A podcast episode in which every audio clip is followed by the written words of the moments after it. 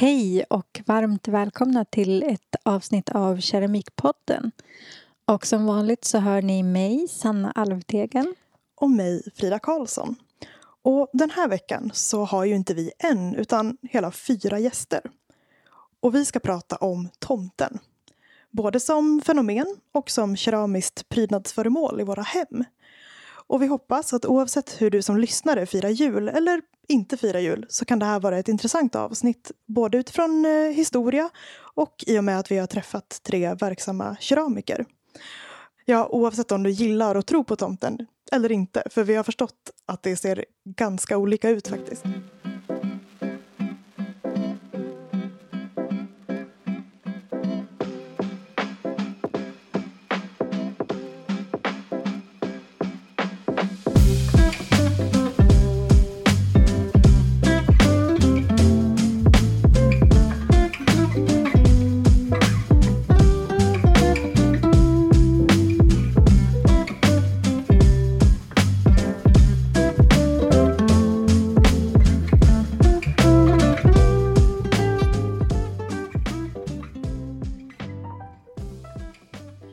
Som verkligen umgås mycket med tomten det är ju vår första gäst som heter Tommy Kosela och han är doktor i religionshistoria och forskningsarkivarie på Institutet för språk och folkminnen.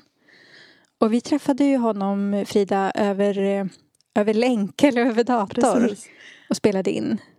Ja, så här lät det när vi försökte reda ut lite om eh, begreppen kring tomten tillsammans med Tommy. Då säger vi hej och välkomna till Tommy Kosela. Hej Tommy! Hallå, hejsan. Hej! Och idag så ska vi eh, reda ut lite om eh, tomtens historia tillsammans. Ja, Det känns som att vi har fått tag på verkligen helt eh, rätt person för att reda ut vem tomten är. För du ägnar dig verkligen åt tomtar och troll, Tommy. ja, det har blivit så. Jag har jobbat många år med den här typen av ämnen. Eh, redan som när jag studerade religionshistoria så vid Stockholms universitet så, så har jag hela tiden blickat mot folkliga föreställningsvärldar och, och trosföreställningar av alla dess slag. Och, och där ingår ju faktiskt även tomtar och troll då. Något man faktiskt har trott på tidigare. Men viss mån fortfarande gör. Ja, ska vi kanske börja med att, att reda ut det egentligen? Att, vem är tomten i, i skandinavisk folktro? Den här, den här gamla tomten? Ja, alltså bondesamhällets tomte den, den sträcker sig tillbaka till så förmodligen väldigt långt tillbaka i tid. Men det äldsta vi vet är att det, att det går till vårt eh, helgon, då, svenska helgon, heliga Birgitta. Hon beskriver tomtagudar så att säga som hon är sur på att folk eh, då ställer ut mjölk till. Så att det finns ett slags offer till en tomte. Så tomtagudar kom från 1300-talet. Och sen finns det gott om källor framförallt 1617 och, och ännu mer sedan på 1800-1900-tal som berättar om den här figuren som håller till platsbunden vid, oftast vid gårdar, vid gårdar då. Så det är en tomtegubbe, gårdstomte, Isse, Pese, den har massa olika benämningar runt om i landet. Och Nisse är då såklart i Norge, Danmark och, och gränserna från svenskt håll också. Att vi kallar den för tomtenisse liksom. Ja, och tom, tomtegubbe, det kommer av egentligen det samma ord som vi har en tomt, alltså där man bor, en gårdstomt. Mm. Så att det är någonting som är bundet, ett slags, som är bunden till, till tomten. Så att vad tomten egentligen är, gårdstomten, det är ju en slags, kan man säga, ett övernaturligt väsen eh, som är en slags spegelbild av bonden själv. Det är, den är oftast liten, föreställs som ganska liten. Det är ett fem sjuårigt barn i storlek. Ibland är den väldigt liten så den kan krypa genom ett nyckelhål. Eh, och den är urstark. I regel är den ju osynlig. Och sen har den, dess ansikte, är alltid en gubbe, nästan alltid en gubbe. Och den har då ett, ett, en gammal mans ansikte oftast, men inte alltid, har den skägg. Och oftast är den, och sen, sen är den klädd i ganska grova alltså bondekläder. som Visar att den arbetar på gården och upprätthåller så att säga moralen på arbetsgården. Det är i korta drag vad en tomte ser ut. Men det var inte alltid en, en, en snäll gårdstomt, eller hur? Eller den kunde vara lite vresig. Ja, gårdstomten är, den är ganska vresig, absolut. Den, det stora, den stora roll är ju faktiskt, och funktion kan man säga, är ju att upprätthålla den här arbetsmoralen. Och då tycker den inte om folk som slarvar, som misshandlar djuren eller som Mm. super eller spelar kort och andra saker som liksom visar att man inte är noggrann med sitt arbete. Och då kunde den ge igen ordentligt. Den kunde vara ganska ilsken och bitsk om den gjorde så. Mm. Oftast, får, oftast säger berättelsen om någon som får en mm. örfil från liksom ingenstans. Eller en kyss som man säger då. En, att den här drängen då kan flyga in i backen eller in i väggen eller vad som helst. Eller ännu värre, att de verkligen skadar sig. Det, det, det är för att liksom skrämma och visa att man ska sköta sig på gården helt enkelt. Den första tomte som, gårdstomte som finns beskriven så här, det är från 1300-talet mm. sa du? Jag tänkte också ta vid lite där. Tidigaste på 1300-talet, men hur utbrett skulle du säga att den här skrocken är lite mer i modern tid? Jag tänker 1900-tal och kanske ända fram, fram idag. Finns det fortfarande de här liksom, idéerna att man ska sköta sig på vissa sätt och den, den här skrockfullheten? Alltså det, det, är en jätte, jättebra fråga. Om man säger så här, tomten är våra, av alla folktroväsen så är den kanske den mest väldokumenterade. Finns, har funnits över hela landet. Varenda landskap har berättelser om tomtar. Eh, och eh, någonting har ju skett sen när människan framförallt många gånger har flyttat in till städer och industrier. då har inte tomten hängt med för den har inte någon funktion att fylla in i stan i regel eller på, på ett, ett bruk eller något annat. Men det finns fortfarande kvar eh, föreställningar om eh, tomtar och det finns på lek och allvar ställer fortfarande folk ut gröt till tomten kring julen exempelvis. Och det var nyligen, bara härom året, förra året kom det en, ny studie i en tidskrift som heter Folklore, en engelsk tidskrift, då, en vetenskaplig. Där en som heter Mattias Nygård har skrivit om tomteberättelser i dagens Hälsingland, så i norra Hälsingland. Så han har åkt runt och intervjuat ett 40-tal personer som har, menar sig ha sett och upplevt tomtar. Jag själv också när jag varit ute i landet och föreläst har jag träffat många, eh, oftast då på, mer på, utanför städer, på, på landsbygd så att säga, som har sett, säger de, menar sig ha sett tomtar och, och frågar om det. Så det, det, är ingenting som är helt borta, även om vi kanske tror det idag.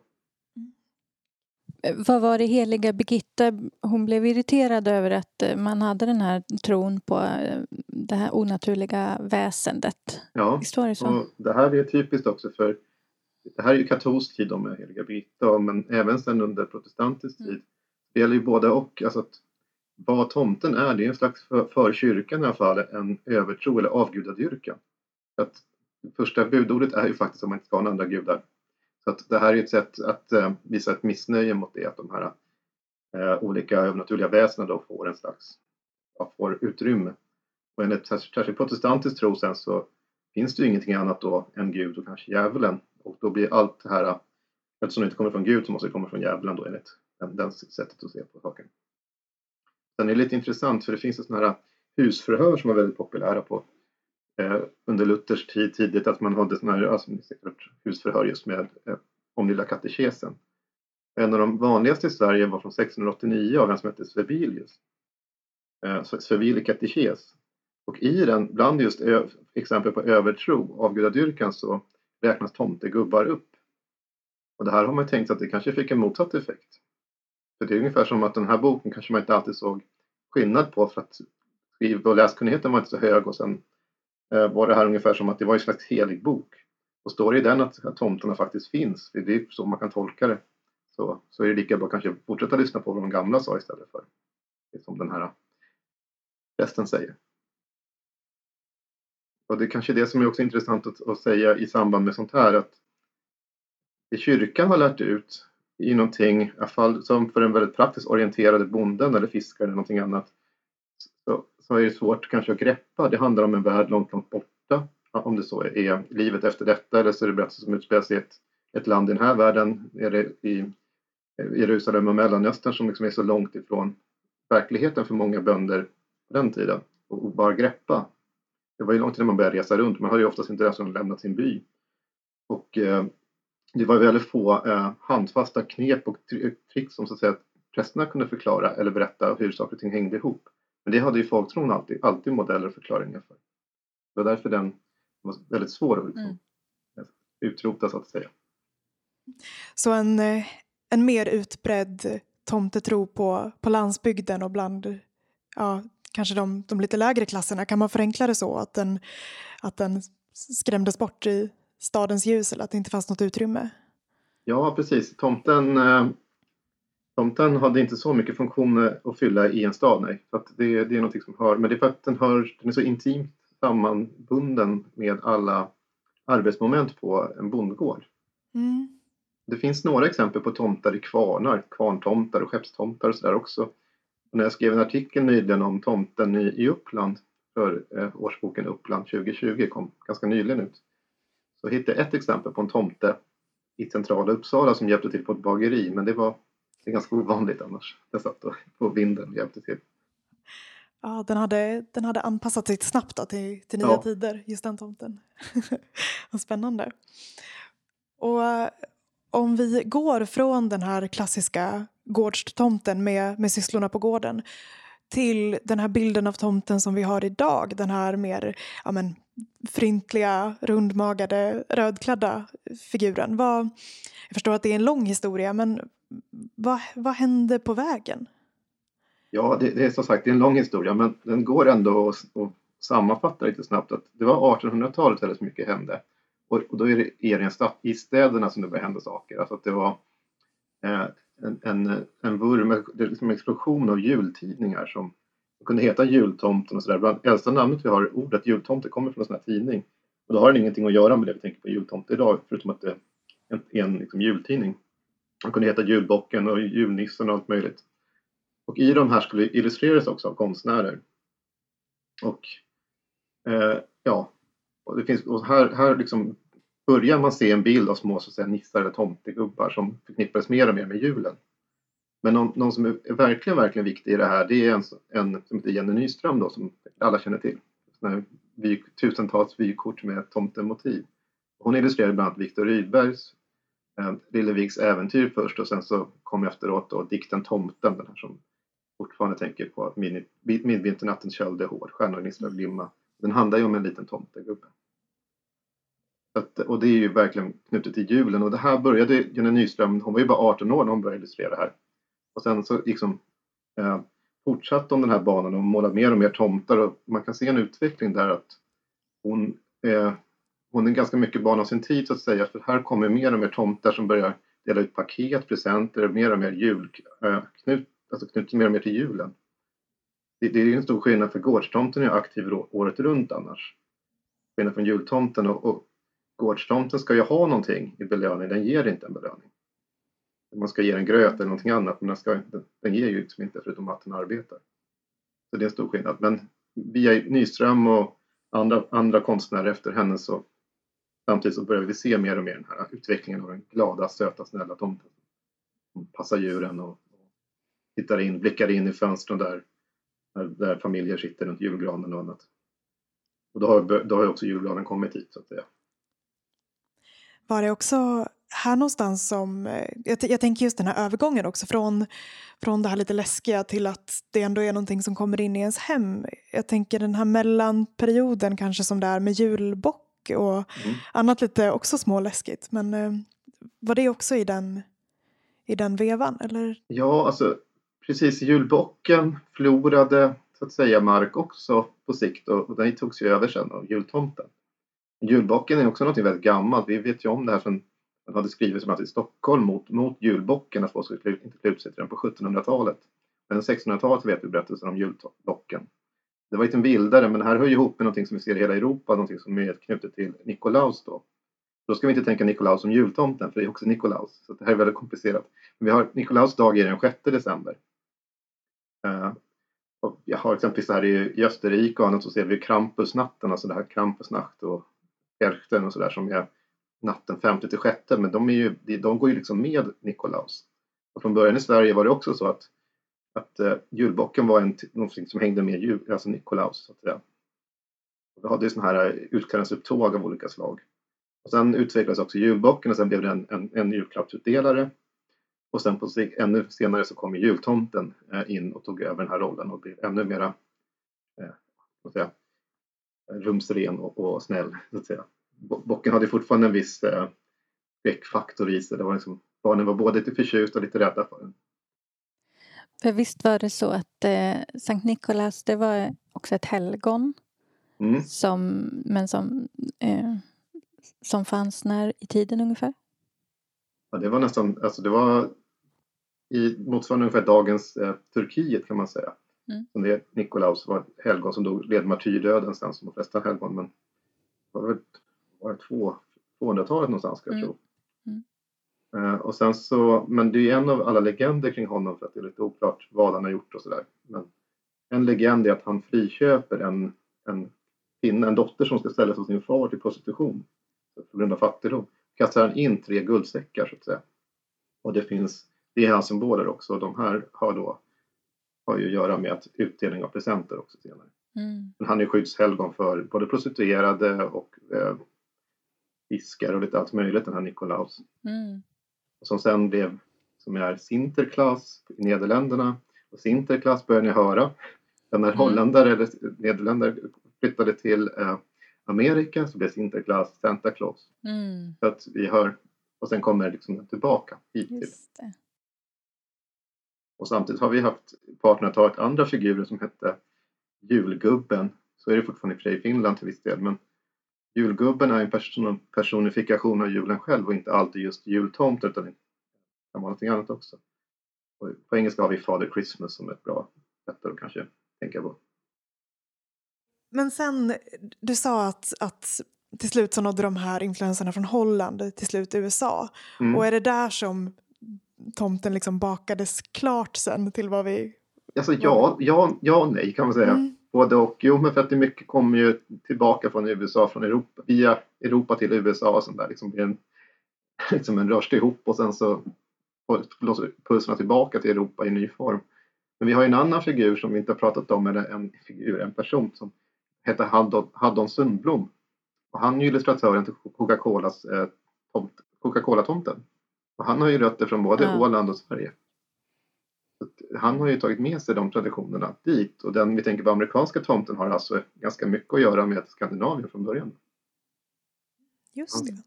Så man kan säga att, att konstnärer, både konstnärer och författare egentligen har verkligen haft en roll i hur, hur vi ser på jultomten idag. Absolut, det skulle jag absolut vilja säga.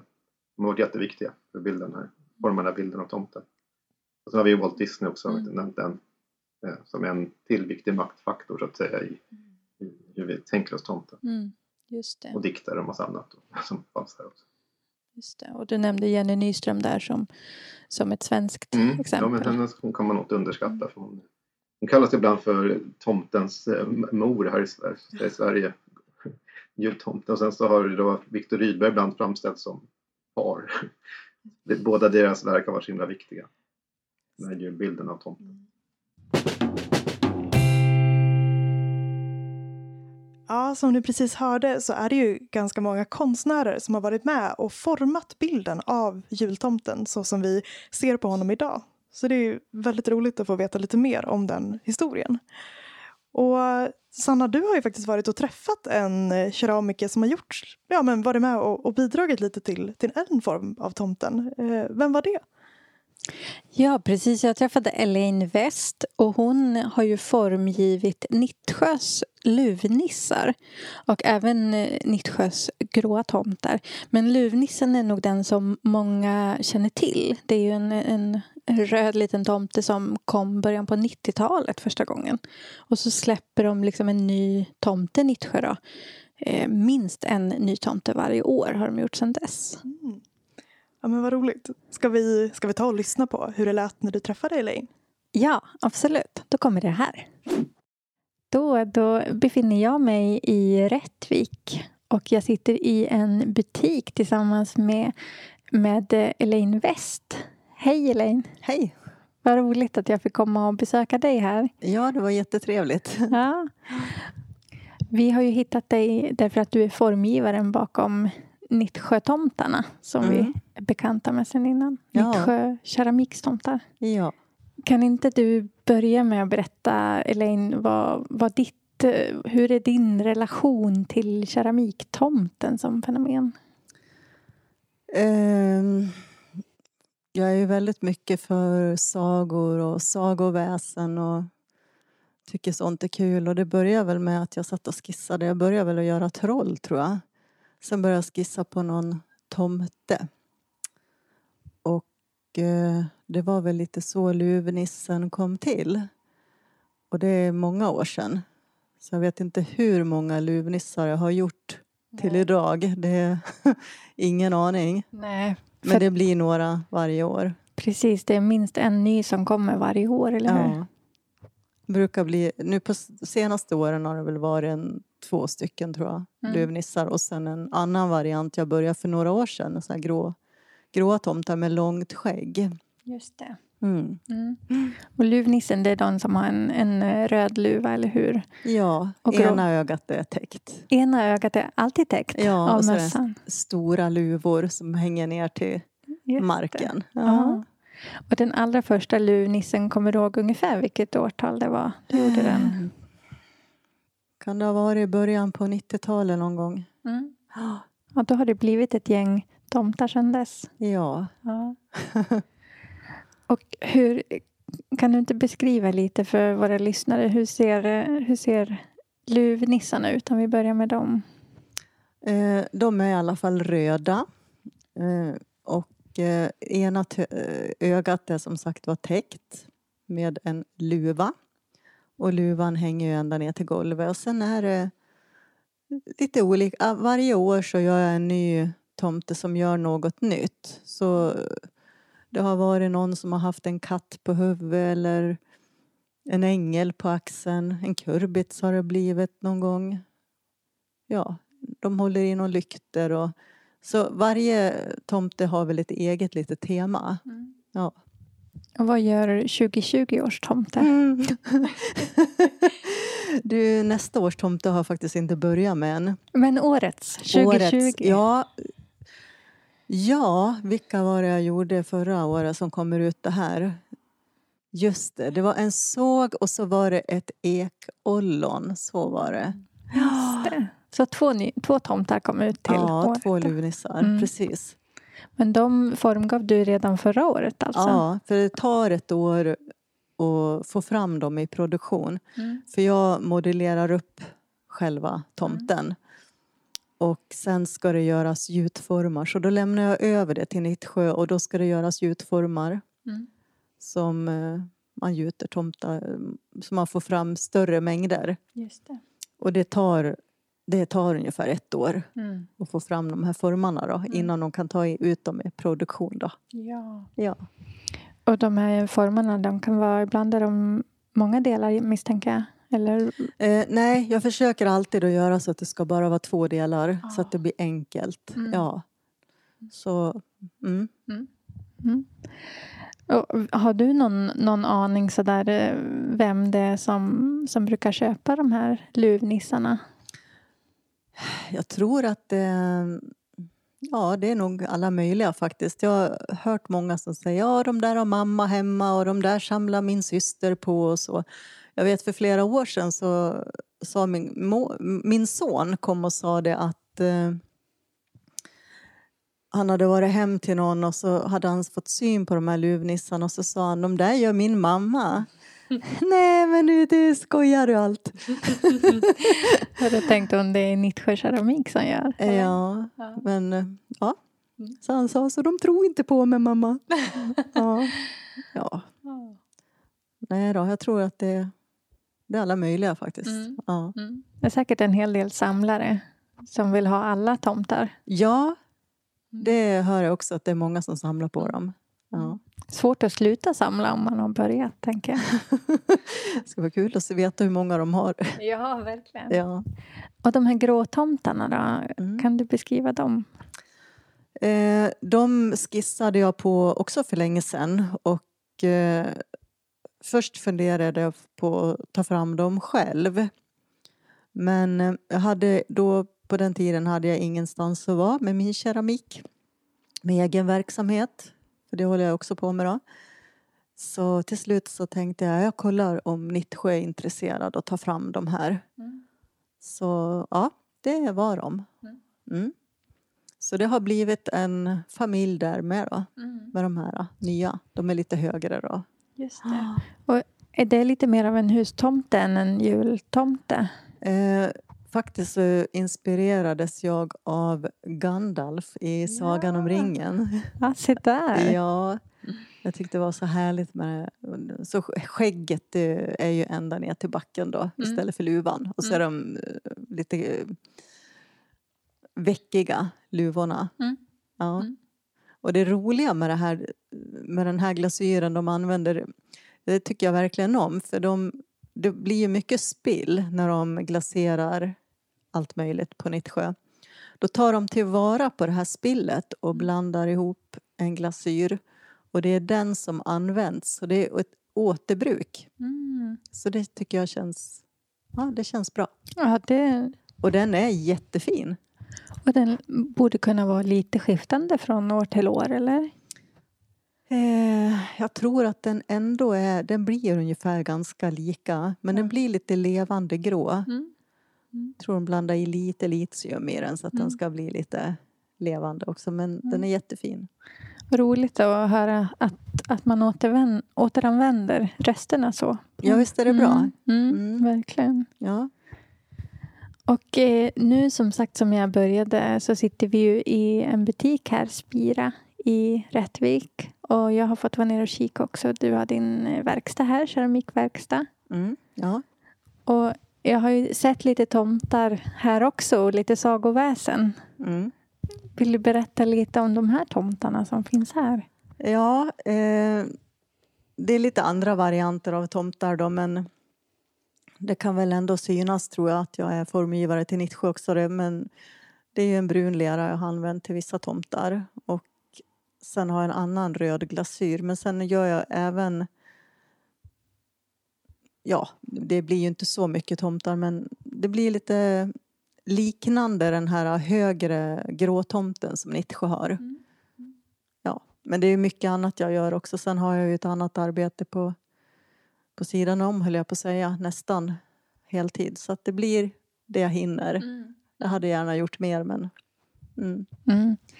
Är, är tomtarna, både de till Nittsjö, de som du gör här till, till din direkta butiksförsäljning, är de en viktig del av din inkomst? In- Ja, jag tycker faktiskt att eh, de har gått väldigt bra. Jag har ju hållit på med egna tomtar också. För jag har haft firma för länge sedan. Sen har den varit nedlagd ganska länge. Sen startade jag upp den för ett par år sedan igen. Mm. Men eh, de har gått bra också. Mm. Så det, tomtar är någonting som går att sälja året om har jag upptäckt. Mm. Ja. Det är inte bara till jul. Nej. Hur ser det ut eh, hemma hos dig nu i juletid? Är det, är det mycket tomtar även hemma? Nej. Nej. Nej, jag är ju nästan aldrig hemma höll jag på att säga. Eh, nej, det är det inte. Nej. Nej, de får, de får bo här i butiken och hemma hos folk. Mm. Är det något julpynt som inte kommer in i ditt hem?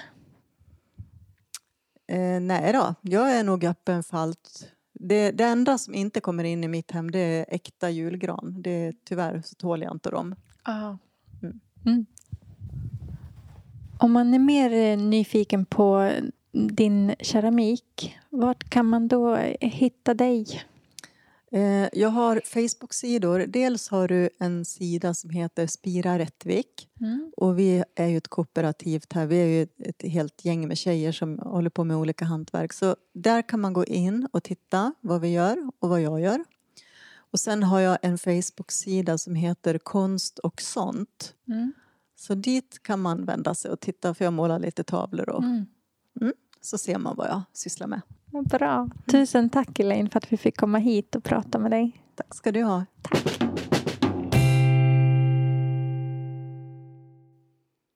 Ja, vad kul att, eh, att ni också fick hänga med och lyssna på Elaine.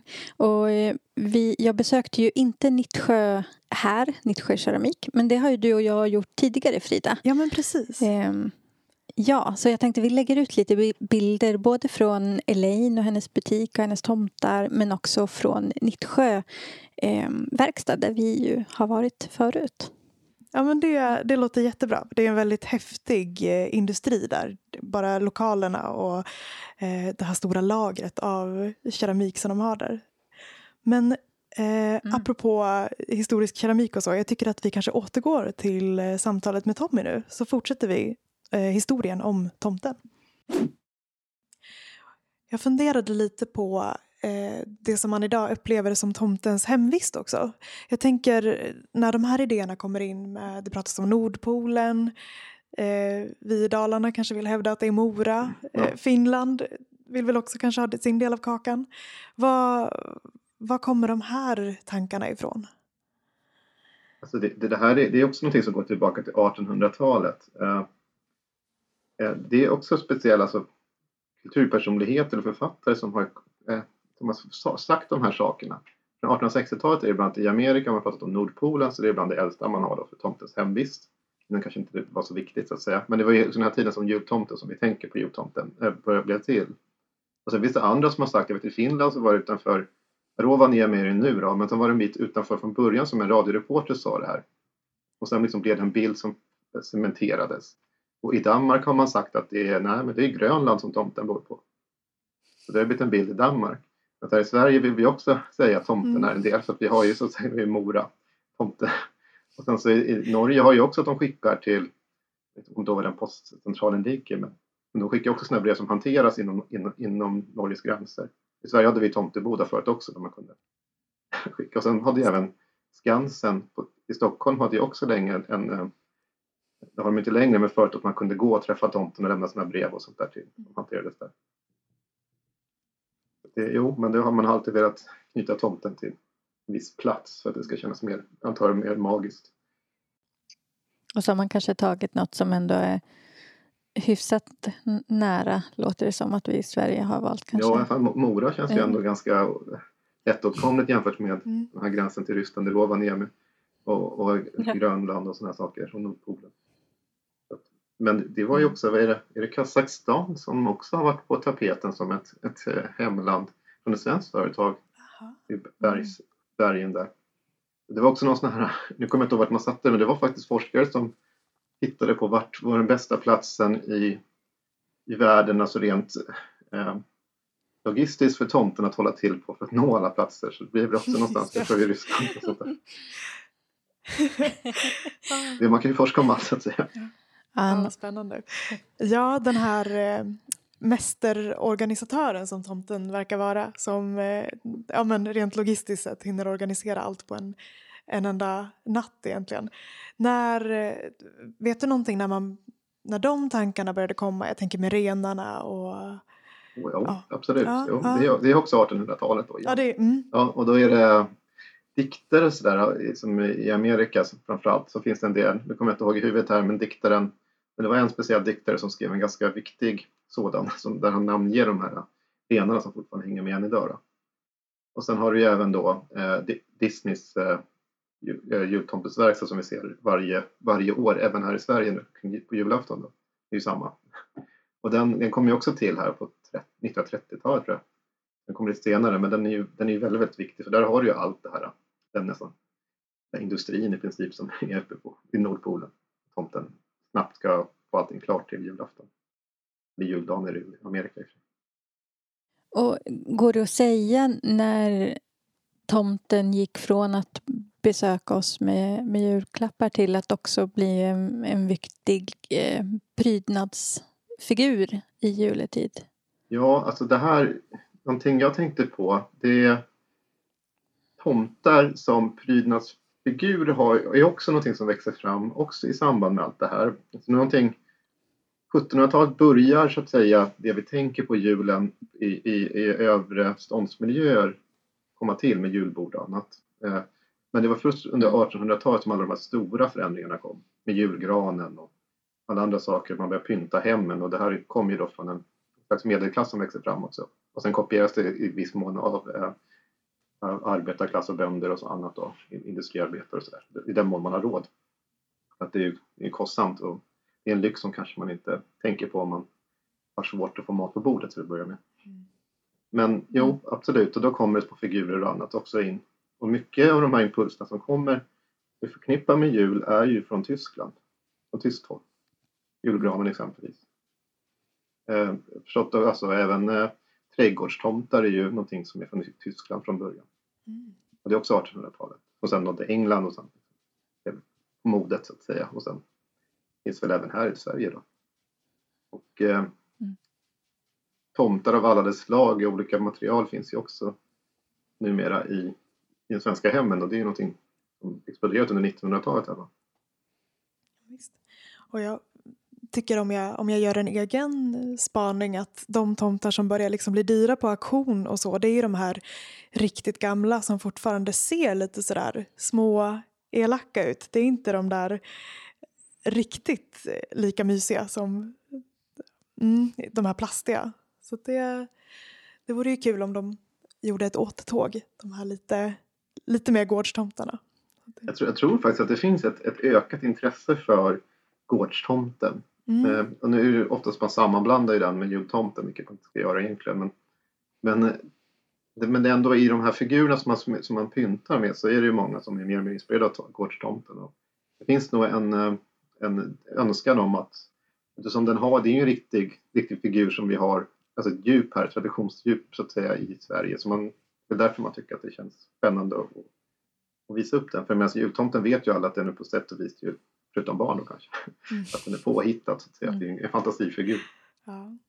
Ja, det är väldigt fantasieggande det du berättade precis i början att, att det ändå händer att det kommer fram folk till dig som hävdar att de har stött på saker. Och det är ju jättespännande oavsett om det är någonting eh, i vår fantasi eller ja, vad det är de, de ser. Ja, nej, men det är någonting som jag läste en gång hans stora folklivsforskaren Ebbe Schön, han får ju ofta den frågan om man själv tror på tomten. Han säger att när man tror, tror han, han vet ju att den finns och den finns i, i människornas sinne. Det är väl det viktiga liksom att vi Mm. människorna har trott och tänkt på Mm. den. Men om det finns fysiskt konkret i verkligheten eller inte ganska en forskare och intressant i alla fall. Som måste. Ja. Mm. Mm. Har du själv någon så här favoritberättelse om, om jultomten eller någon av förlagorna Då är det den vresiga gårdstomten. till honom? För att det har med lite grann med jul att göra för att han, han jobbar ju så att säga året runt. Och för att visa att man tycker om tomtens, gårdstomtens arbete så ska man gärna ge den gröt eller någonting, någon god sak till julen. Då finns det en sägentyp som man brukar säga som man känner igen, alltså det är en sägen man känner från många olika håll. Själva berättelsen. Då berättar han att tomten får ett, ett fat med gröt, vit gröt kring jul. Han sätter sig och börjar äta av den. Men han blir snabbt ganska förbannad. För att den saknar det som visar extra, att han har varit extra eh, duktig och det är att den inte har någon honung eller sirap eller smörklick på sig. Och det ska man ju få om man är extra duktig. Så han, han blir skitsur så han går så att säga in i stallet och slår ihjäl eh, den finaste kon. Sen går han tillbaka och sätter sig och äter vidare på den här gröten. Och sen upptäcker han att men vänta nu, smöret ligger ju i botten, det har bara smält och hamnat underst. Så då ångrar han sig och då går han in i stallet, eller fähuset då, och hämtar den döda kon, släpar den till en granngård, som sagt tomten är jättestark. Och sen så lägger han den döda kon där, tar den finaste kon från grannen, bär tillbaka den, ställer in den i fähuset och hoppas att ingen ska märka någonting. Så det, det är en vanlig, fadeberättelse. Wow. Även tomten kan ju fel Ja. tydligen. Ja, det kanske sammanfattar honom ganska bra då. Den här lite, kan vara hjälpsam men kan också ställa till det. Ja, Man kan även ångra sig. även det kan han. Ja. Och så tänkte vi fråga också dig Tommy, ditt eget hem i juletid, Mm. hur ser det ut? Ja, jag har egentligen de, de julpynt jag tycker bäst om är två små eh, figurer från eh, Island. Ja. Den ena som föreställer en trollkvinna som heter Gryla. Hon hör, hör ihop med julen. Och den andra är ju, ju, Jula Katarina, alltså hennes julkatt. Och de är ganska farliga egentligen för att de, de kan motsvara lite grann det som man tänker på Krampus i övrigt. För de, de kommer ju och hotar och plockar bort plockar barn som inte har eh, skött sig under året. Så säger man att hon, äter upp dem. Och så hemskt är det där. Men, Oj. då kanske inte, nu förstörde jag julstämningen för alla. Så är det på Island. Det var inte bara att man blev utan julklappar utan man blev Men det fanns ett sätt, om man fick kläder och sånt där exempelvis så skulle man vara skyddad. Och det kanske var ett sätt också att Mm. inte få bar- barnen att gallskrika om de inte får senaste tv-spelet utan även får lite kläder. Även mjuka klappar kan vara bra skydd. Ja, precis. Ja. Och är det här, eh, de små figurerna, är det vanligt julpynt att köpa på Island? Är det liksom Ja, i standard? turist, turist, eh, Ja. turistsammanhang. Ja. Mm. Okej. Det här är gjord av någon, eh, designad av någon, ja det var en, eng, det var en engelsk konstnär på Island som har designat den här figuren. Så att, och det är nog mest väldigt, väldigt mycket vänt till turister. Ja, tusen tack Tommy för att du redde ut, eller i alla fall försökte reda ut det här med jultomten med oss. Det vi, mycket frågetecken eller mycket nyfikenhet har också väckts att man vill lära sig mer om alla de här olika Jag förlagorna. kan säga som så att jag har jag. skrivit en, text, en bloggtext som finns på nätet. Som heter Hur kom jultomten till Sverige? Den hittar ni på vår hemsida www.isof.se. Ja, Och även toppen. om Lucia om man är intresserad av det också. Lite, mer mörkare, mer skrämmande Lucia-traditioner som man berättade om i äldre tid innan den här skönhetstävlingen kom till. Ska vi passa på att tipsa också om att eh, du Tommy, du har ju också en, en podcast som heter När man talar om trollen, Ja, eller hur? precis. Vi har ju, vi har ju nyligen kommit med avsnitt nummer sex handlar ju om Gårdstomten och är närmare tre timmar långt. Mm. Det finns både som video och eh, video på Youtube och Facebook via Oknytt. Och sen finns den eh, så överallt där poddar finns, Spotify och annat, som ljud bara. Ja. Avsnitt sju Ja. kommer nu den 17 december och handlar om likspöken, lite mörkare, farligare saker. Mm. Kontrast mot tomten egentligen. Mm. Här kan vi fördjupa oss. Ja. Det var bra. Då var det här ett litet, eh, litet smakprov helt enkelt. Så det finns mycket mer att, att grotta ner sig i om man vill veta mer. Mm. Tusen tack Tommy för att du var med i Ja, tack för att Keramikpodden. jag fick vara med. Jätteroligt. Tack.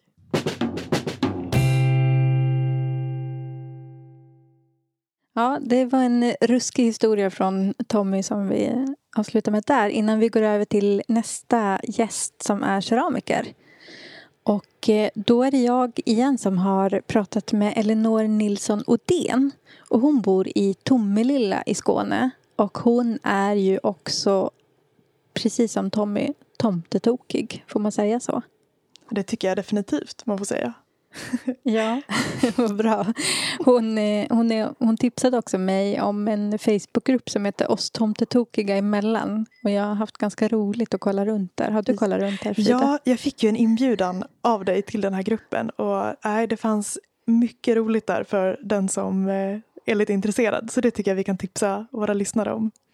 Ja verkligen. Oss tomtetokiga emellan på Facebook alltså. Precis.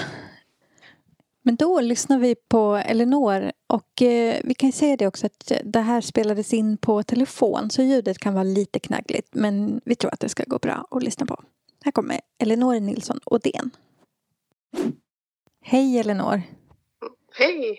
Hej, vad snällt att vi fick ringa upp dig och prata om tomten.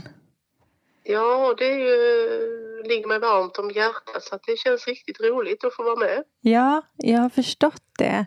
Kan inte du börja med att berätta lite om din eh, relation till tomten?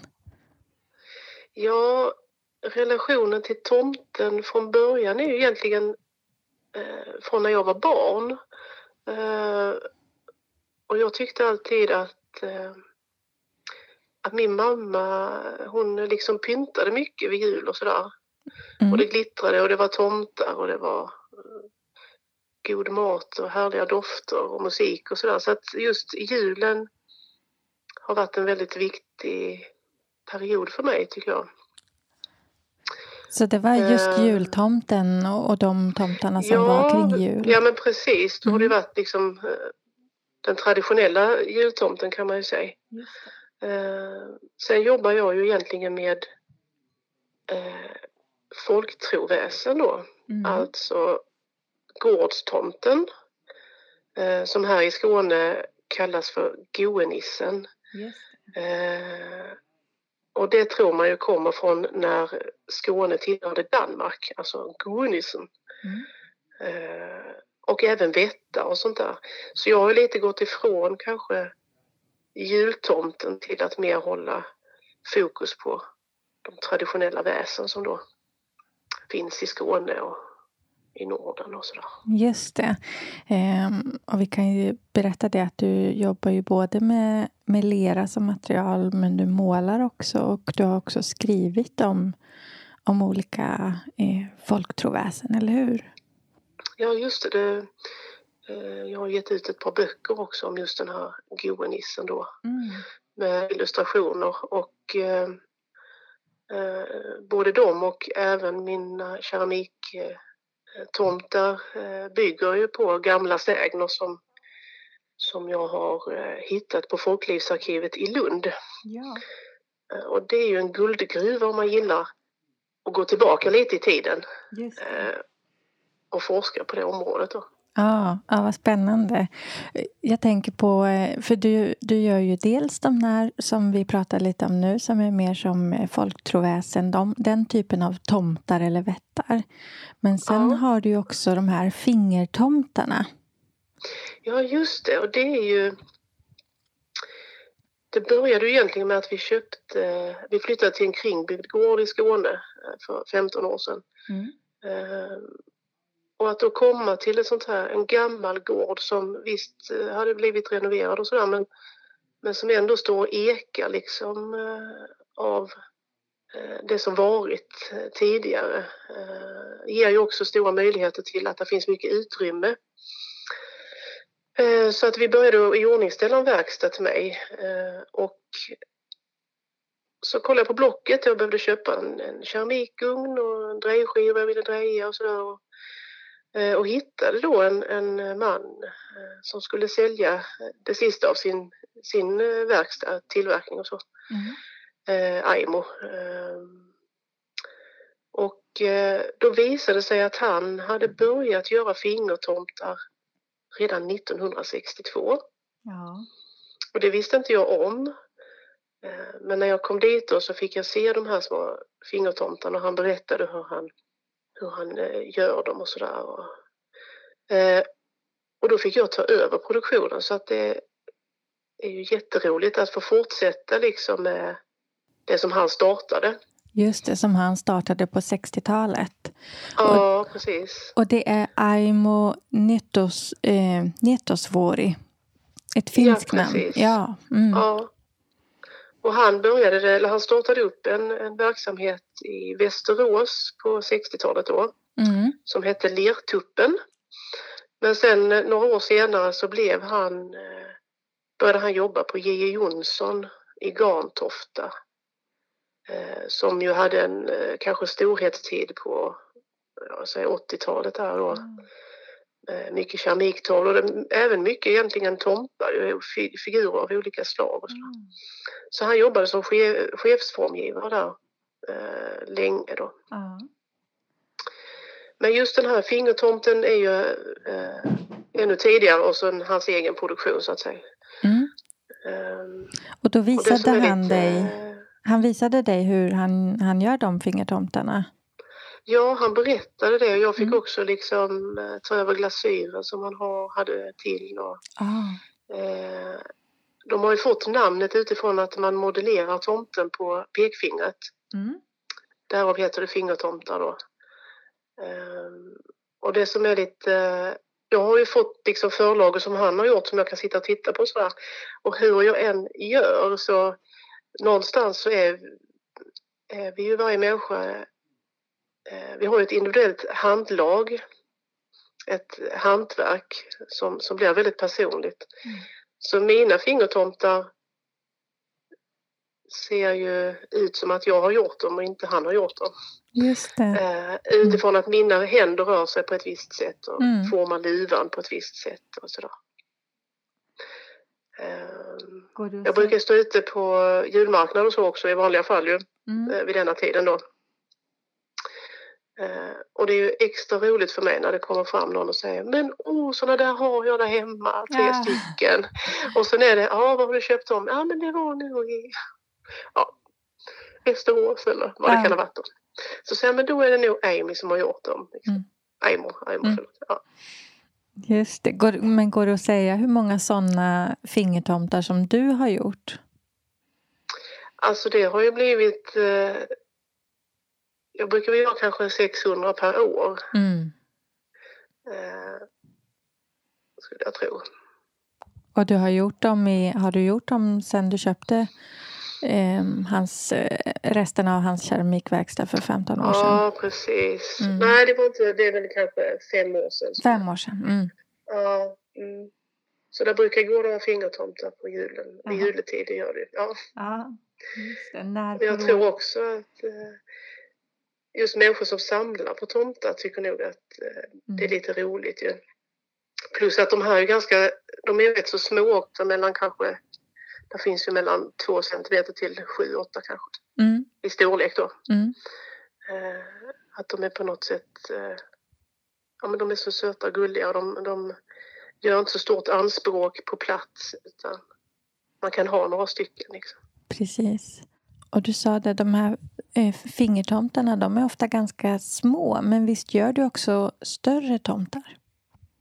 Ja, just det. När jag eh, jobbar med mina folktroväsen då, alltså gårdstomten Mm. och vättarna så eh, gör jag dem i naturlig storlek.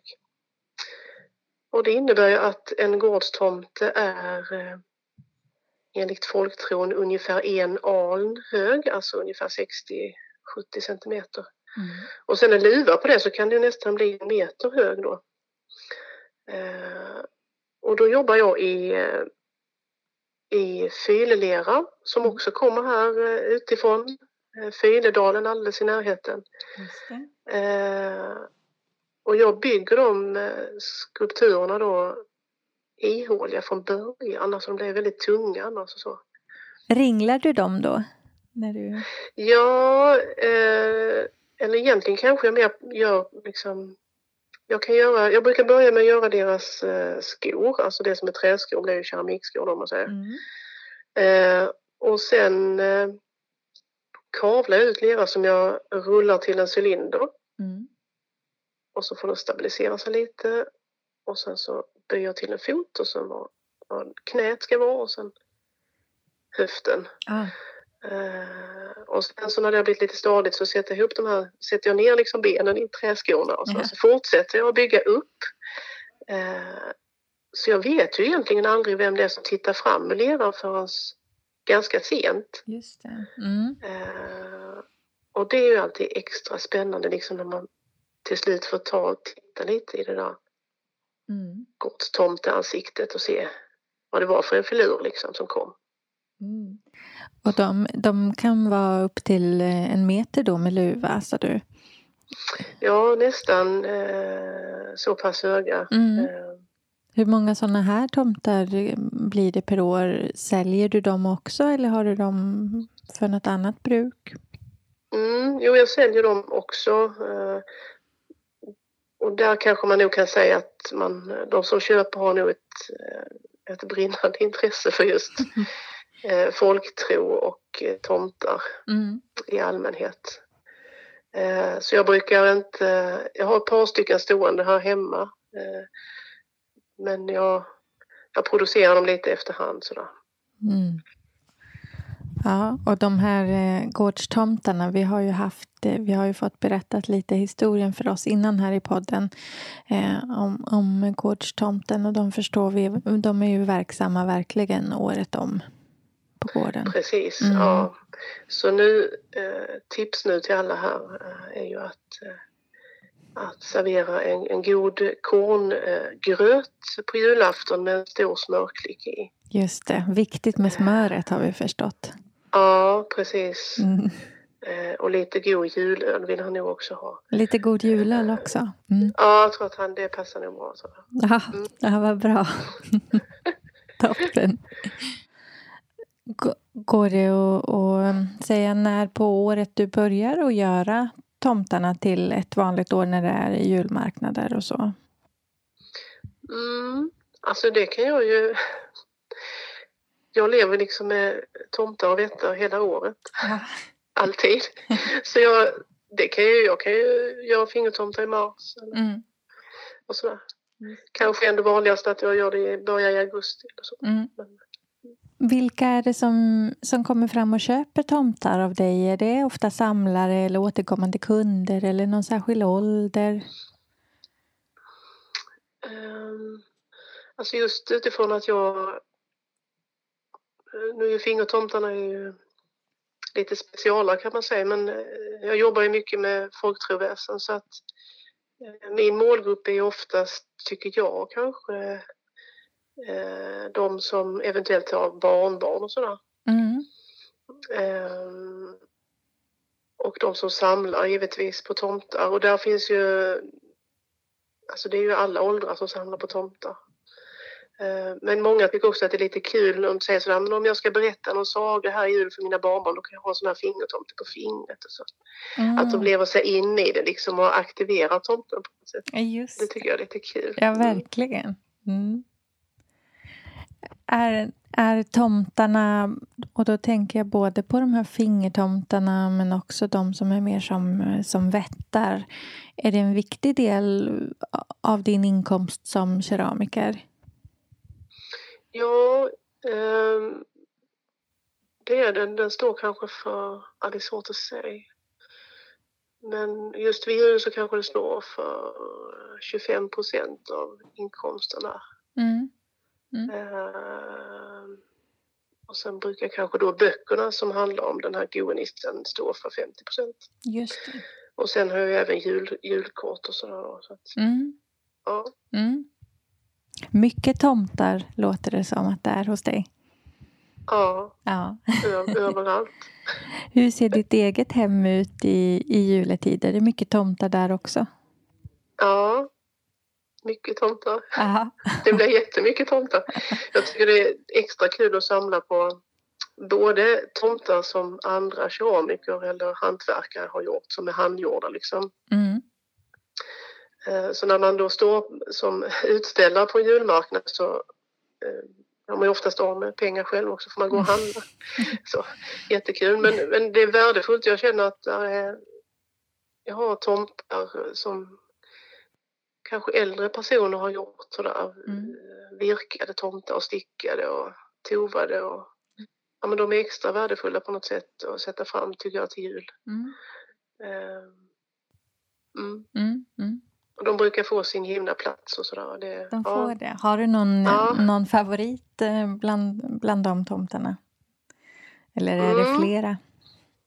Jo, men det är flera favoriter. Det är där. Eh, ofta är det egentligen faktiskt de här... Kan också liksom köpa tomtar på second hand och sådär. Mm. Alltså typ från Erikshjälpen och så. Eh, och för mig gör det ingenting ifall de har någon liten skavank eller någon liten defekt. Så. För då tänker jag, men den där tomten, den är det nog ingen annan som bryr sig om. Så den, den får jag ta hem. Ja, Ja, och ta hand om och så får den vara här. just det. Ja. Mm. Finns det något eh, julpynt som inte kommer in i ditt hem, Elinor? Mm. Den var kanske lite svårare faktiskt. Jag gillar, jag tycker om, eh, jag vill gärna ha en, en, eh, en riktig julgran. Mm. Ingen plastgran tänker jag. Jag vill ha doften där och sådär. Och sen så tycker jag om när det blir lite knyta röda band i granen liksom och ha lite halmslöjd och Mm. Sådana saker då. Så att eh, kanske inte så mycket av det här eh, väldigt glittriga om man säger. Inte så mycket färgglada blinkande lampor kanske? Nej, precis. Jag hoppar över dem. ja. Jag förstår. Mm. Vad bra. Tack så jättemycket Elinor för att vi fick prata om tomtar och, och väsen med dig. Mm. Mm. Och du har ju också en, en Instagram där man kan se lite mer av vad du gör. Kan inte du Ja, berätta det. vad du heter där? Eh, då heter jag Odens bild. Ja. Och där ligger ju då eh, både keramik men det är också illustration och måleri. Mm. Och odensbild.se kan man också besöka för att se din eh, hemsida. Både böcker och bilder och keramik. Ja. Ja, Tack så jättemycket för att du ville vara med i Keramikpodden. ja tack själv. Det var jätteroligt att få vara med. Ja, tack. tack ska ni ha. Ja, vad roligt det var att få höra lite mer om eh, Elinor och hennes tomtar. Det var ju väldigt häftigt att hon har ja, men, tagit över ett, eh, en design egentligen av en annan keramiker. Det var, det var lite häftigt. Och nu ska vi gå vidare till eh, en keramiker som jag träffade för några veckor sedan. Eh, vi möttes upp inne på ett eh, helt tomt Sintra i Göteborg innan dörrarna slog upp. Och det är Kerstin Sarvimäki. Hon är keramiker i Göteborg och gör ibland tomtar, men lite motvilligt. Så hon är lite mer ambivalent när det kommer till tomten än de tidigare gästerna. Hej Kerstin! Hej! Vad kul att du kunde ställa upp. Ja. ja. Kerstin, vad har du själv för relation till ja, just keramiktomten? Alltså egentligen så har jag väl ingen direkt relation just till keramiktomtar. Eh, snarare så att jag kanske egentligen inte tycker om tomtar. Det känns ju lite som att det får man inte lov att säga här nu. Men, men eh, anledningen till att jag började göra eh, tomtar då för några år sedan. Det var nog det tror jag att eh, ja, lite utmana mig själv. Alltså det är lite så här att det, är man seriös så är det nästan lite förbjudet inom citationstecken att göra tomtar. Och så tänkte jag att men jag skulle vilja göra någon eh, elak tomte. Ful, elak. Om, ja. Och så, en sån där tanke som har legat i bakhuvudet många, många år. Uh, ja. Ja, det är, det är roligt för du har ju verkligen gjort den på ditt sätt. Och jag tänker att vi får kanske lägga upp någon bild så att våra lyssnare får se hur den ser ut. För den, du har ju ett tydligt formspråk ja. och det går ju igen även i, i tomten. Hur, ja. hur ser den ut om du beskriver ja, den? Den är, ju, den är ju platt. Jag har ju oli, två olika varianter. En som står eh, för sig själv, som kan stå på ett bord. Och sen en som hänger på väggen då. Eh, del, alltså är de ju, de är ju i färg då, de är ju målade. Så att jag kavlar ut och bygger ihop. Och den som står då, den har ju både fram och baksida. Och som sagt, den skulle ju se rätt elak ut men eh, det gör de inte. De ser inte elaka ut men de ser lite missmodiga ut. Eh, så har de ju en eller två säckar som inte är så välfyllda. En del är tomma och då ser de ju rätt ja, lite hopplösa ut de här mm. tomtarna. Mm. Ja, missmodiga tyckte jag var en, en bra beskrivning. Ja. Mm. Var de elakare först eller blev de liksom aldrig Nej, riktigt... de blev, jag fick aldrig till det där att de såg eh, elaka ut. Och sen vill jag få, jag tror också det här att få en lite svenskare tomte. Eh, för att få bort den här amerikanska Coca-Cola-tomten. Mm. Och få tillbaka den här svenska eh, gårdstomten någonting sådär. Mm. Ja, det tycker jag att man kan se. Det är inte riktigt den där äppelkindade goa, goa tomten. Nej.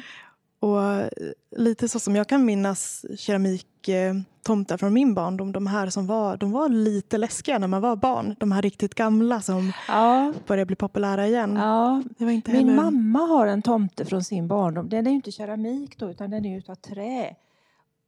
Och han ser riktigt, riktigt elak ut. En liten så. Ja. Och sen det här, mina plattor äkta tomtar? Jo, men jag har nog en någon slags förebild, en gammal eh, ljusstaketomte som var utsågad i ja, centimetertjockt trä. Eh, och så står han ut med armarna med en ljushållare i varje arm då. Och eh, han ser ju absolut inte ut som Coca-Cola-tomten gör. Nej. Nej, men det blir spännande. Det är ett, eh, ett litet komplext uttryck. Det blir mycket mer spännande tycker jag. Och, och du sa att du, eh, du kavlar ut dem för att de är ja, men två, tvådimensionella ja. platta. Är det sen angob som du jobbar med? Ja, eller hur går det, det till? Det. Ja. det är angob. Mm. Det är samma angob som jag har på husen också. Precis, för det, det är ju ditt, ditt signum annars, eh, ja. de här husen som du bygger upp. Precis. Du drejar även lite? Eller är det... det har jag inte mm. gjort på många år Nej, faktiskt. Ja. Utan jag mm. kavlar och bygger. Men, men eh, Ja.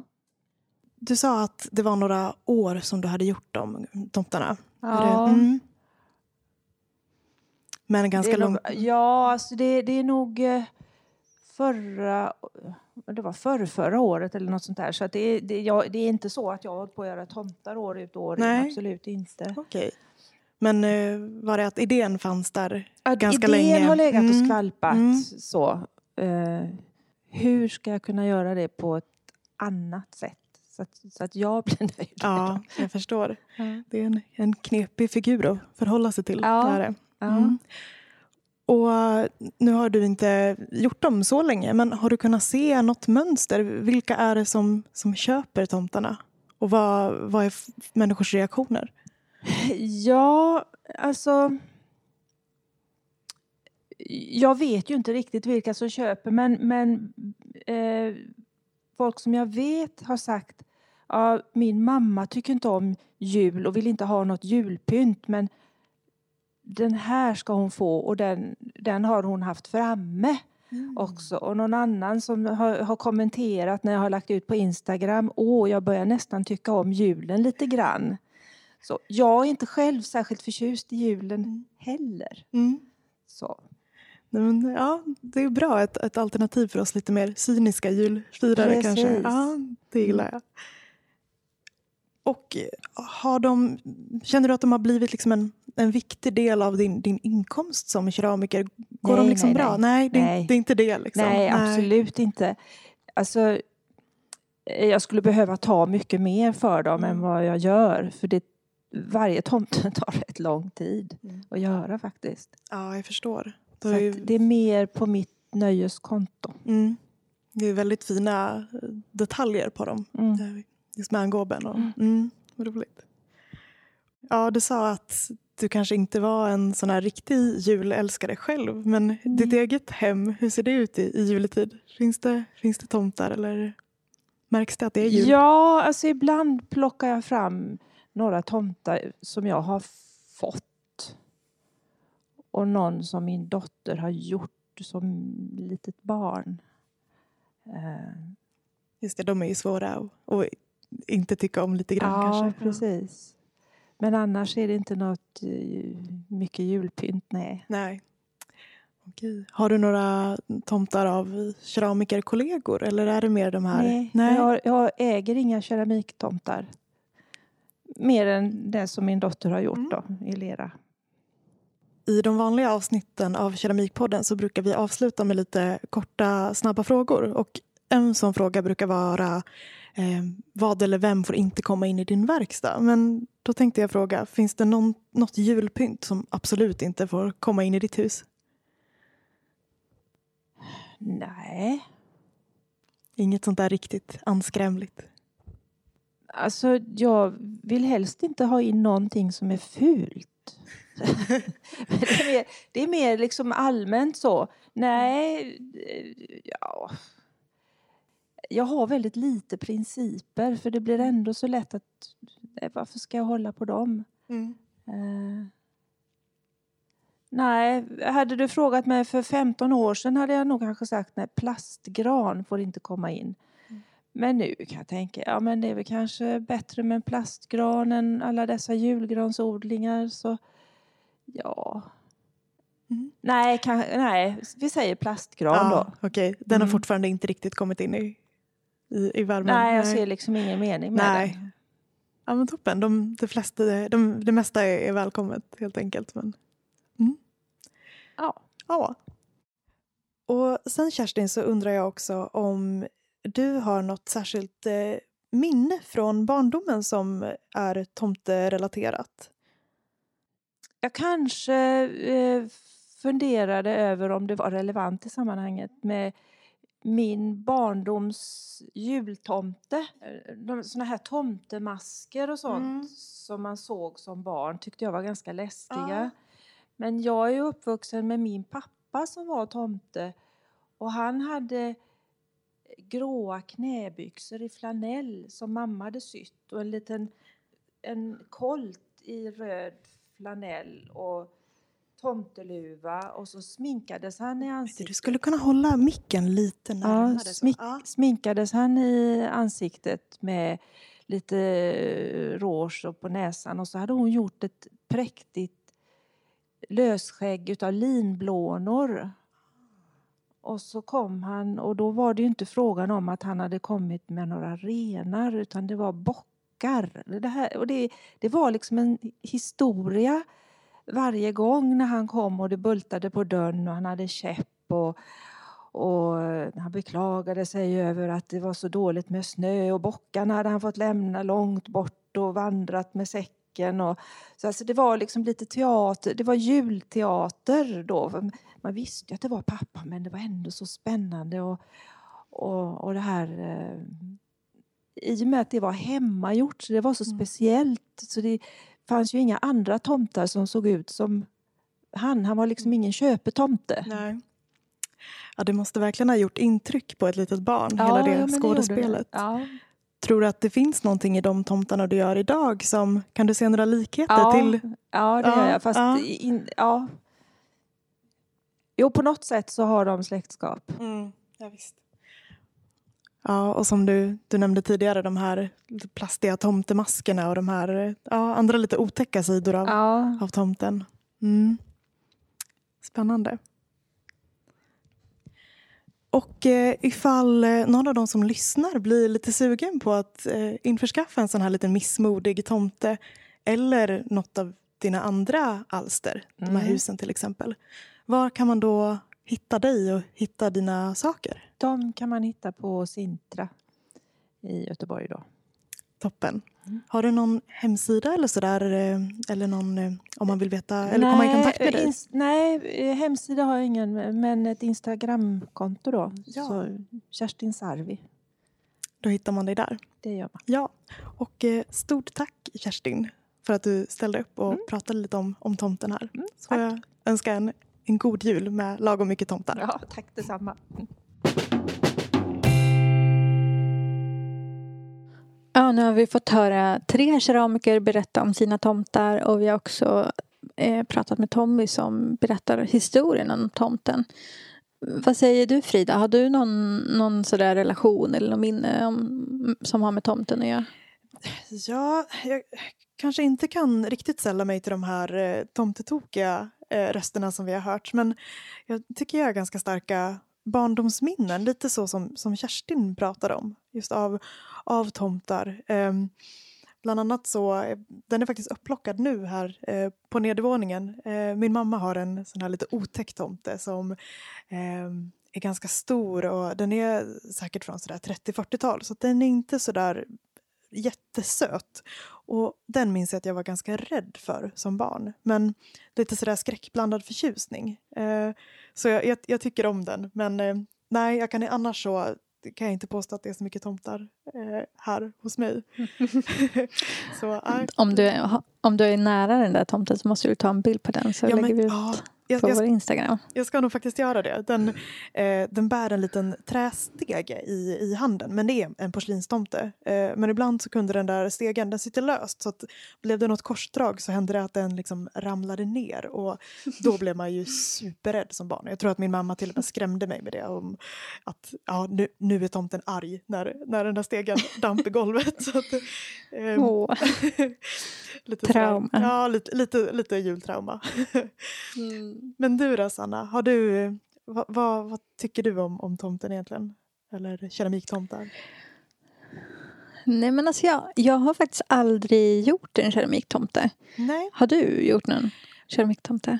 nej, eh, aldrig faktiskt. Eh, Nej. nej, vad, vad nu det beror på. Jag har ju gjort såna här, alltså målat i gips typ som man gjorde när man var liten. Men eh, alltså den enda tomte jag har några tomtar hemma som jag fått. Men den tomte jag tycker bäst om det är nog den som vi fick från vår lärare på Leksands folkhögskola från Anna-Sofia Måg. Mm, just ja, vi fick ju Mm. varsin tomte Ja. alla vi i klassen. Det var jätteroligt. Ja, precis. Min man har kommenterat på att den där ser läskig ut. Den ser lite arg ut och sen så står den ofta i, i ett fönster. Och alltså, nästan varje gång jag tittar på den så har den liksom vänt sig med ansiktet bort. Alltså så att den tittar ut. Och det har jag varit lite, lite fundersam så här. Är det, är det min man som går och vänder på den? Men jag tror ju att det är katten som är där och går. Ja. Men det är ändå lite sådär att den vill titta ut hela tiden. Ja, men du bor ju i ett gammalt torp så det kan ju Ja. vara så att den har förvandlats till en liten gårdstomte, vem vet? ja. Men eh, det är ju väldigt roligt, om, hon pratade ju lite om hur hon gjorde de här tomterna, att hon hade utvecklat ett väldigt snabbt sätt att, att, att göra dem. Mm. Så att de är ganska små och att hon kunde sälja dem ganska billigt och sådär. Så att vi tar nog Mm. ett foto även på, även på våra tomtar. Ja, det får vi göra. Mm. Och, och något som hon pratade också om var ju det här med att hitta en röd glasyr. Att det är ganska svårt på stengodslera. Ja, just det. Den här starka tomteröda färgen. Mm. Ja, precis. Mm. Har du något uh, julpynt som inte får komma in i ditt hem? Ja, det, det är lite lustigt att alla våra gäster nästan berörde granen på ett eller annat sätt. Eh, Jag får nog sälla mig till, till eh, den som gillar de riktiga granarna som, som luktar ordentligt med skog. Men ah, annars så kanske det är så här supergräll blinkande neonbelysning. Eh, Jag gillar nog lite mer något, något levande ljus och ja, jag, mycket julblommor vill jag ha. Alltså amaryllis och hyacinter och så. Mycket så dofter och, och så. Så det är nog det här lite, ja men det är lite plastiga. Det har jag nog lite svårt för. Du då? Hur ser det ut hemma hos dig? Nej, men tråkigt svar. Men det är nog lite samma. Eh, vi har några i min by som jag bor i som har jättemycket julpynt och jättemycket stor... Eh, alltså vi har en som har en gigantisk tomte på gården. Jag ska lägga ut en bild på det. Eh, det är verkligen gigantisk. Men annars just nu så är det bara funderingar på hur vi ska kunna ha in en gran som vi ska ha kulor i med en kattunge och en hundvalp. Ja, just Vi det. får se. Mm. Risk att den Ja. välter. Ja, verkligen. Ja, lycka till med det, Ja. Sanna. Tack. Och till sist innan det här avsnittet är slut så vill vi också tacka alla ni som har lyssnat för allt stöd och all uppskattning som vi har fått under det här året. Vi är jätteglada att vi har kunnat få vara ett sällskap för er under en tid då många kanske har varit mer ensamma än vad man egentligen skulle ha önskat. Mm, verkligen. Och tack för eh, ja, alla ni som delar eller stöttar oss på andra sätt. Och tack till vår ljudklippare Elias Sten- Stenman. Han eh, får ju göra mer eller mindre testjobb ganska ofta. Mm. Är vi extremt tacksamma. Mm. Så jättetack till dig Elias för att du hjälper oss att göra det här. Ja, tack.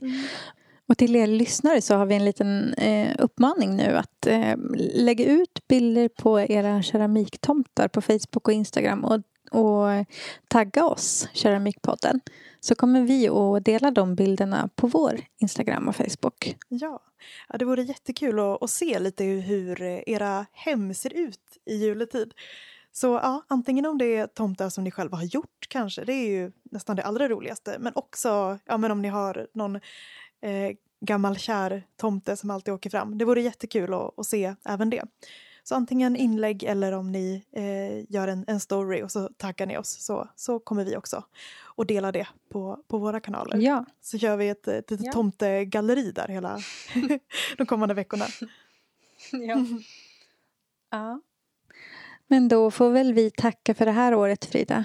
Ja, det, det har varit ett väldigt spännande och eh, eh, annorlunda och stundtals jättejobbigt år eh, att, Mm. att göra en, en podd under och att, att, att leva under. Men, eh, men vi kämpar på och vi kommer ju snart tillbaka även om vi kanske tar eh, lite juluppehåll nu så hörs vi snart igen.